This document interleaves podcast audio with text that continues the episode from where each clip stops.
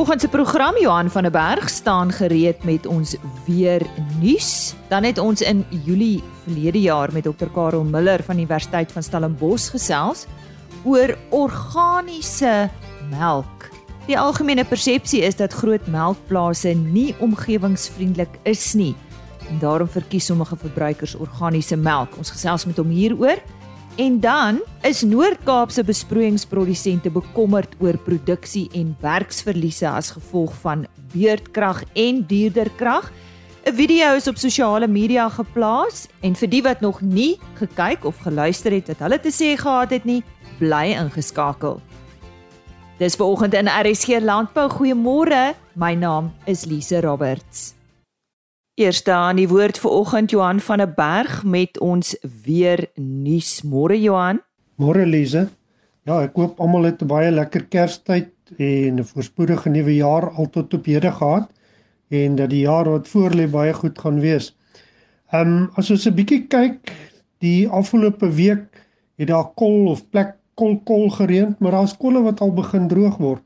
Ons sien hier in die Noordwes Vrystaat is daar plekke wat omtrent 2 weke laas reën gehad het en die grond is te droog om aanplantings te doen. Uh ook in die weste van die land is dit baie baie droog en warm. Uh, uh ons sien dat min reën in die Noord-Kaap en meer die westelike suidwestelike gedeeltes ook voorgekom het. Um as ons kyk wat op die kort termyn voorlê, dan lyk dit asof daar enkele bye hierdie week is vir die sentrale tot oostelike dele. So dis dan hoofsaaklik die Vrystaat, Noordwes, uh Gauteng, Limpopo, Mpumalanga en KwaZulu-Natal met dalk die noordelike dele van die Oos-Kaap uh wat uh, reën kan verwag. Uh die groot uh nuus tans is dat dit lyk of daar van volgende week af hier van maandag af bitter warm toestande oor groot dele van die land gaan voorkom. Uh dit lyk nou hittegolf toestande selfs in die Wes-Kaap. Uh kan temperature uh veral oor die sentraal tot westelike dele van die Wes-Kaap hier na 40 grade toe gaan. Uh ons sien in die Noord-Kaap uh dat Appington en daardie gedeeltes tot hier by 4:45 grade kan gaan en dan ook oor die sentrale binneland lyk dit asof temperature hier diep in die 30 grade kan gaan dan lyk dit so van die middel van die maand hier van ongeveer die 15 af of die toestande verreend weer verbeter uh oor weer die gedeeltes wat ons gesê het die sentraal tot oostelike gedeeltes uh steeds nie 'n goeie kans of ek wil sê baie klein kans vir reën oor die Noord-Kaap, die Oos-Kaap, selfs die Wes-Kaap gedeeltes uh nie nie regtig waar reën uh oor hierdie gedeeltes nie maar oor die meer oostelike gedeeltes lyk dit tog asof daar 'n redelike klompie reën weer op pad is. As 'n mens kyk na die patroon wat reënval nou begin volg, is dat dit uh nie baie wyd versprei is nie. Uh ons kry dat daar kolle is wat baie swaar reën nog wat 50 80 mm reën, maar dis oor kleiner gebiede wat dit voorkom. Uh so dit lyk tog asof hier 'n draaipunt begin bereik is. Uh die La Nina is nog steeds ons het gedink teen hierdie tyd gaan dit al swakker wees. Dit is so nog nie neutraal nie, maar baie naby daaraan. En uh uh dit maak dat die voorspellings ook nog baie onseker is. Uh as die La Nina teenwoordig is, is dit 'n goeie kans vir reën uh tot omtrent Maart maand. Maar in hierdie fases, hierdie vloeibare fases of baie varierende fases, waar dit dan opgaan of versterk en dan verswak, dan is dit nogal baie keer 'n teken uh van uh, ondergemiddelde reën wat gaan begin voorkom.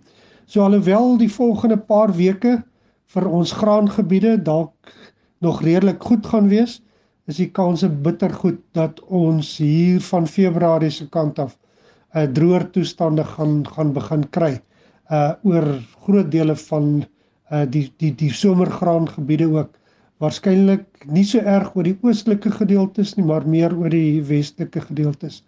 So dit lyk tog of die die La Nina begin draai, die effek behoort in te skop.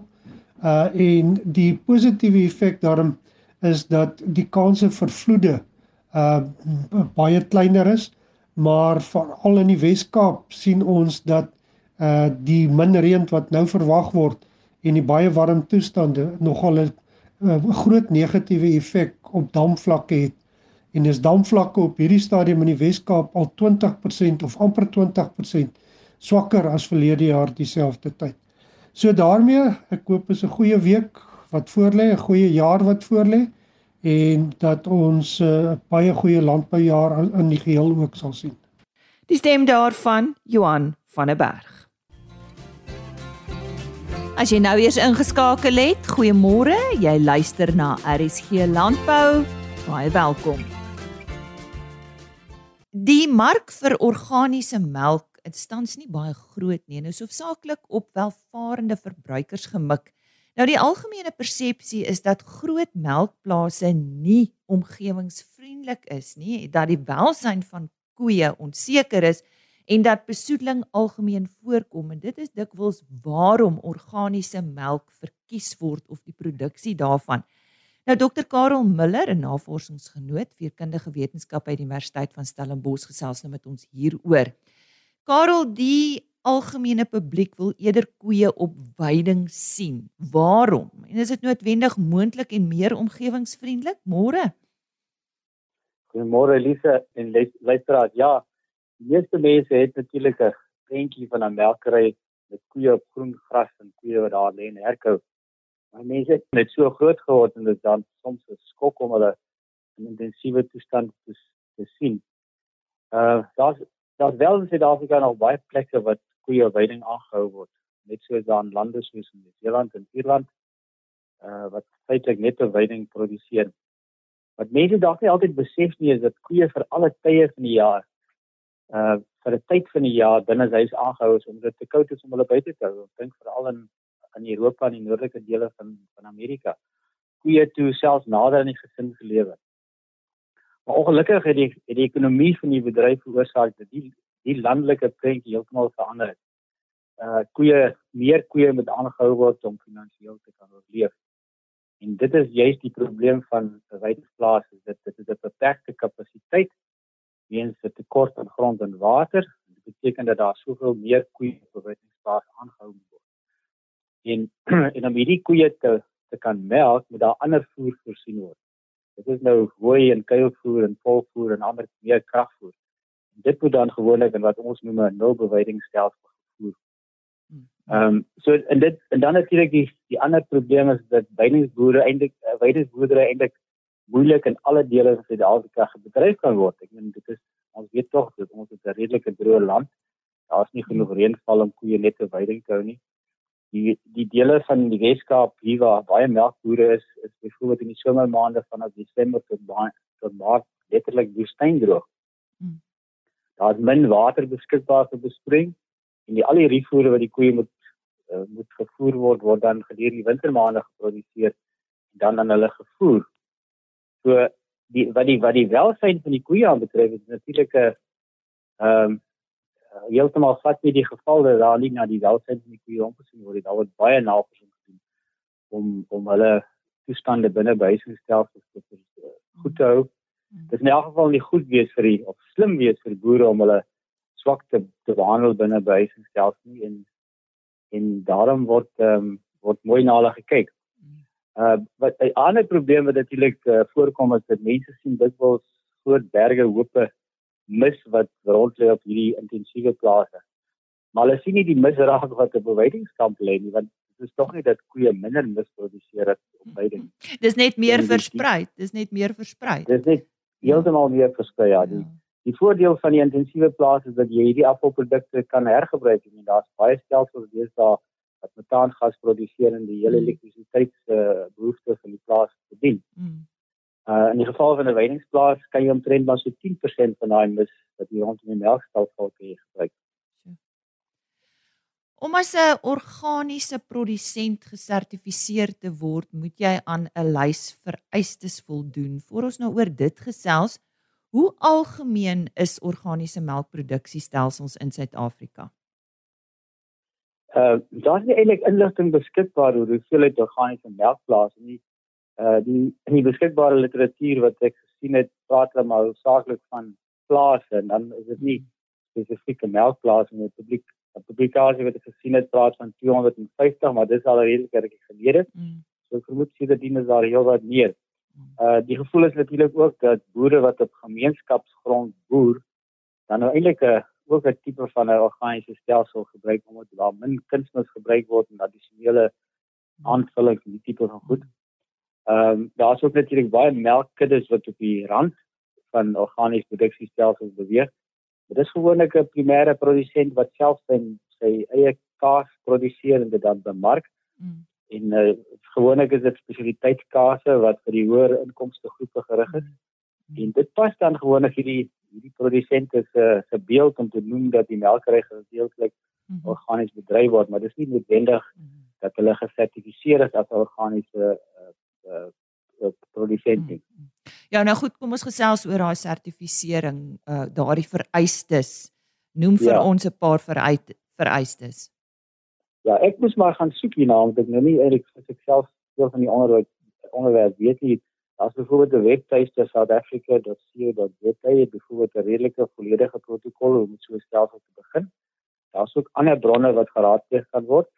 Maar die basis van 'n organiese produksiestelsel is dat die voergewasse sonder sintetiese kunsmis, swam en hormoonmiddels, insek en onkruiddoders en menslike afval geproduseer word.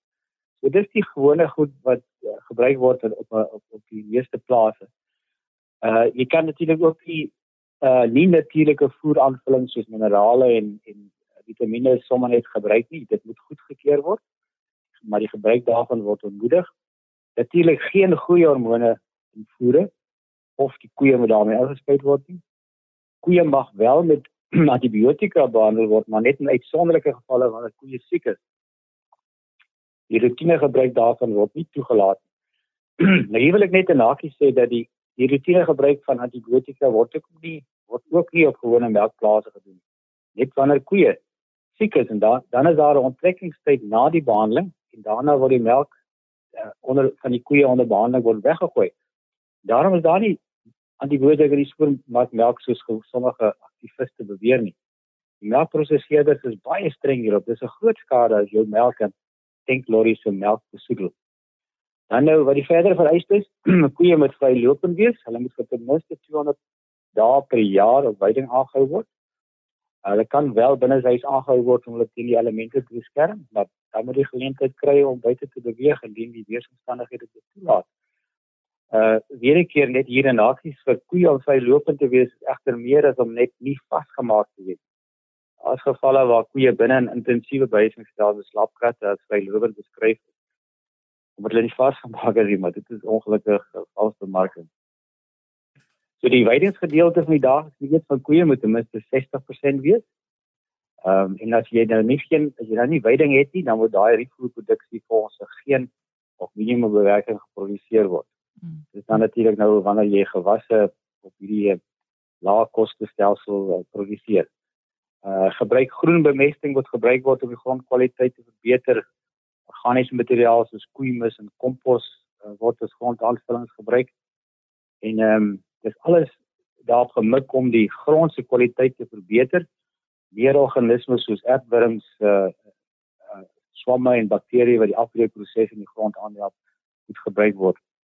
Hulle sou byvoorbeeld uh eerder as om as om onkruiddoders te spuit, sal hulle sal hulle die die onkruide met met 'n bossie slaan as plat slaan sodat daai plantmateriaal ook nog gebruik kan word. En dan uh weet dit neem dit 'n redelike tydjie vir hierdie uh plaas om as 'n organiese produksiestelsel gesertifiseer te word.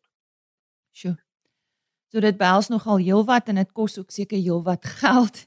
Wat is belangrik om in ag te neem voor jy so iets oorweeg? Watse raad het jy, Karel?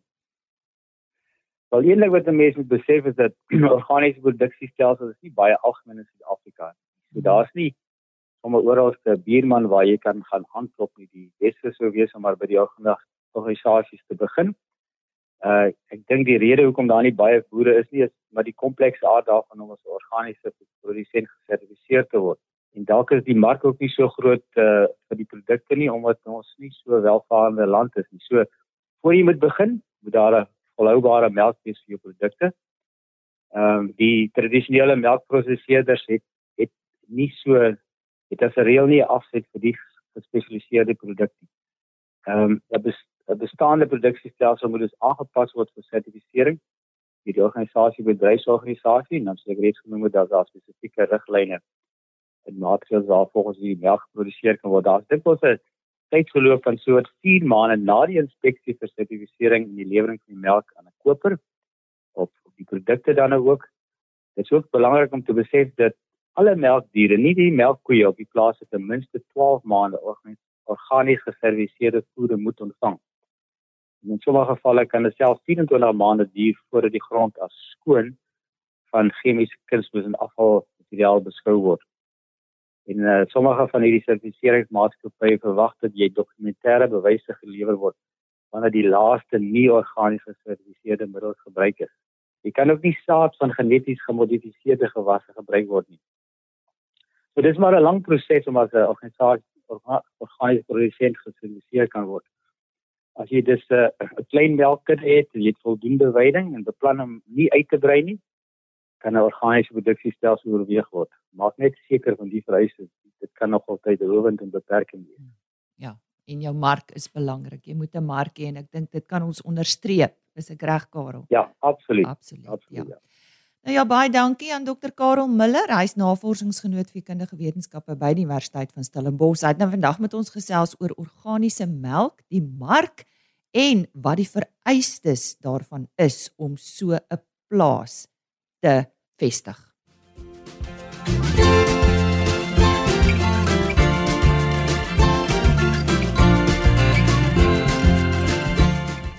Groep Noord-Kaapse besproeiingsprodusente het hulle misnoë uitgespreek oor die huidige kragkrisis. Hulle het dit deur middel van 'n video op YouTube vrygestel. Ten tye van die samestelling van hierdie inset het meer as 1200 mense hierdie video gekyk. Ons het dit goed gedink om ook dit wat die boere op die hart het op RSG landbou uit te saai. 'n besproeiingsboer HF Silje skets die agtergrond. Uh, Môre manne, baie dankie dat julle almal vandag hier teenwoordig is. Ons is vandag hier om 'n boodskap aan Suid-Afrika en aan Eskom uit te stuur in verband met load shedding. Ons wil Suid-Afrika bewus maak daarvan en vir Eskom bewus maak daarvan wat load shedding in ons veroorsaak en wat gebeur in ons land as gevolg van load shedding. En ons wil vroegtydige boodskap uitstuur en sê 'n waarskuwing uitstuur en sê ons daar gaan nie produksies afkom nie. Daar gaan mense afgelê word. Alles as gevolg van load shedding want ons kan nie die hoeveelheid water gee wat ons moet gee nie. Volgens statistiek is dit 'n saak van kommer. Kom ons hoor wat sê Jaco Celie. Ek het statistiek gaan kyk. Dit sien ek alhoewel ons nou 30 tot 40% minder krag het as gevolg van load shedding, is ons kragrekening met 40% op. Rede daarvoor is dat ons gebruik Rolaflex. Nou Rolaflex maak dat jy goedkoop tye en duur tye het wat help dat ons ons kragrekeninge goedkoper kan kry. Maar omdat daar load shedding is, is kan ons glad nie meer Rodaflex gebruik nie en ons moet letterlik elke keer as daar krag beskikbaar is pomp. Nog 'n rede wat maak dat ons krag verskriklik baie is, is elke keer as ons die spulpunte op ehm um, aan aansit, is daar 'n verskriklike klim in die krag en dit maak dat ons rekeninge verskriklik hoog is. Uh, elke uur wat ons met load shedding verloor, is dit 'n half millimeter wat ons nie kan besproei nie. Nou as jy 'n som gemaak 70 ure wat ons 'n week verloor, is dit 35 mm wat ons daai week nie kan besproei nie. Die 2021 Toyota SA Agri SA Jongboer van die jaar Gerard Bruwer is ook een van hierdie produsente. Op die oomblik het ons baie erg load shedding. Ons kan ons besproeiings uh masjiene kan nie loop nie. Dis absoluut chaos. Werksgeleenthede, die groentebedryf skep ongelooflik werksgeleenthede. Die landbou as sulks skep net so baie werksgeleenthede. Dan wil ek net noem Ons is baie bekommerd oor werksgeleenthede in ons gebiede ook. As die werkboere gaan afskaal as gevolg van Eskom se swakker oeste finansiële posisies, gaan daar duisende mense hulle werk verloor. Ons bly in die platland. Die platland is 100% afhanklik van die boere. Ons sal nie kan insette betaal nie. Daar's gaan geen winste wees nie. En ons dorpe, die kerke, die skole, die gemeenskap gaan ongelooflik seer kry as ons nie 'n plan met Eskom kan maak nie. So ons sit in 'n krisis. Ek kan net noem ons werkers op die plase se morale is baie baie laag. Hulle het verskriklik hard gewerk tydens load shedding tye. Hulle is heeldag nat soos hulle spuite oopmaak, spulpunte opstart. Die mense is gedaan, maar ons gaan 'n donker tyd in. Ons sit met ongelooflike groot krisis as Eskom ons nie gaan help nie. Ons het vroeër gehoor dat werksverliese op die tafel is as omstandighede so voortgaan. Andri Skok is 'n plaaswerker. Die probleem is hierso as ons wat nou op die besproeiingplase werk en hy goede. Dit gaan maar swaar. Ons is moeg op werk uitgeput van uh, ons moet langer ure werk as jy op 'n pivot plant en die pivot staan in die pad en die weens die krag ons kan hom nie skuif nie met ons nou daai pivot los en hom half plant en weer oor gaan na die ander land toe. Vanaand is die krag aangekom met 12 ure oor gaan met opstaan en met daai land gaan klaar plant. Dit kan mos nie so gaan nie. Die aardappels wat ons geplant het hierso. Die aardappels kry nie water nie. Hulle is halfpad gegroei en hulle slie water kry nie dan vrot die aardappels onder die grond. Dis alles 'n verloor. Dani Fourie, 'n koringprodusent, het ook gesels. So ons het hierdie seisoen um, ons swakste koringoes in 15 jaar gehad met die duurste insetkoste ook. Pompe moet op en af geskei word as gevolg van die water met die vloede. Ons het lande wat in die water gegaan het wat se hele oeste tot nut is. Ons pompe moet op en af geskei word um, in tye wat ons nie kan pomp nie en dit vat langer as as die tye wat die krag net af is. So die tyd wat die krag aankom, kan jy nog steeds nie pomp nie en dit maak dit ons nog minder water op die lande kan besproei. Wat beteken nog swakker oeste. Nou weer aan die woord Gerard Briwer. Ons wil vir Eskom vra, kom ons sit om 'n tafel, kom ons maak 'n plan. Ons boere wil saamwerk om hierdie ding vir die beste van ons land te laat afkom op die einde van die dag. So, kom ons sit om 'n tafel, ons maak saam planne en laat Suid-Afrika die einde van die dag sal wen. Want dit gaan groot groot krisisse wees as ons nie hierdie probleem daadwerklik aandag gee en takel nie. AF se Lee het die laaste woord gehad. Dankie dat julle almal vandag hier is. En ons sê weer eens, Eskom, help ons asseblief. Hierdie is 'n noodkreet en 'n waarskuwing. As ons die aardappels kan produseer, as ons die eie kan produseer, as ons die mielies en koring kan produseer, gaan die land sonder voedsel sit. En dis die boodskap wat ons wil uitkry vandag aan Suid-Afrika aan en en aan Eskom. O, gee ons asseblief bruikbare krag met beter inkremente dat ons die oeste kan groot kry. Die goed lê en vrot op die lande want ons kry hulle nie nat gehou nie. Maar soos ons landbou ken, bly hulle op hulle knieë. Pastoor Maak Sadie. Uh Douglas gemeente elke keer as ons moeilikheid het, draai ons na God toe en ons bid. En daar's nie een keer wat hy nie geantwoord het nie. En God sê in sy woord, bring julle klagtes na my toe eers. Bring julle goed na my toe eers. En vanoggend wil ons uitroep na ons hemelse Vader toe om te help oor met hierdie probleem in ons land. Ek weet die die son is warm en ek weet die grond is seker warm, maar ek gaan vra dat ons hier kniel terwyl ons vinnig bid na ons Vader toe. Sal julle almal saam met kniel asseblief? Hemelse Vader, wat 'n voorreg dat ons met U kan praat, direk met U kan praat. Deur die genade van Jesus Christus kan U ons uitroep hoor vandag. Help ons Vader. Ons sit alweer met 'n krisis. Praat met die mense wat moet gepraat word, praat met hulle hart maar werk genadig met hulle. Dankie dat ons as u kinders kan uitroep na u toe. 2 Chronicles 7 says if my nation will turn to me and call out to me, I will answer their prayers. Vader, ons staan op daai woorde wat ewig waar is. Ons bid sommer vir hierdie seisoen ook nou Vader dat u hierdie seisoen sal seën met al sy uitdagings. Dat ons 'n bo-natuurlike oes sal hê deur u hand wat u het. Ons dankie daarvoor Vader. Ons bid dit in Jesus naam. Amen. En dit was dan 'n hoorbeeld van die video wat tans op sosiale media beskikbaar is deur 'n groep Noord-Kaapse besproeiingsprodusente wat bekommerd is oor produksie en werksverliese indien die beurtkrag en diederkrag situasie so voortgaan. Dis dan vandag se RSG landbou. Baie dankie dat jy saamgekuier het. Onthou RSG landbou is op rsg.co.za as potgooi beskikbaar. Die Agri Orbit webtuiste is ook weer aan die gang indien jy daar wil gaan kyk www.agriorbit.com. Die onderhoude word daar afsonderlik gelaai. www.agriorbit.com. En indien jy eh, enige inligting benodig of dalk net vir my e-pos wil stuur, maak gerus so. RSG landbou by plaasmedia.co.za. Môreoggend RSG Landbou vanaf Elsenburg, so ek groet tot maandagooggend om 5uur. Geniet die res van jou week en indien jy nog met vakansie is, geniet daai laaste paar dae. Totsiens.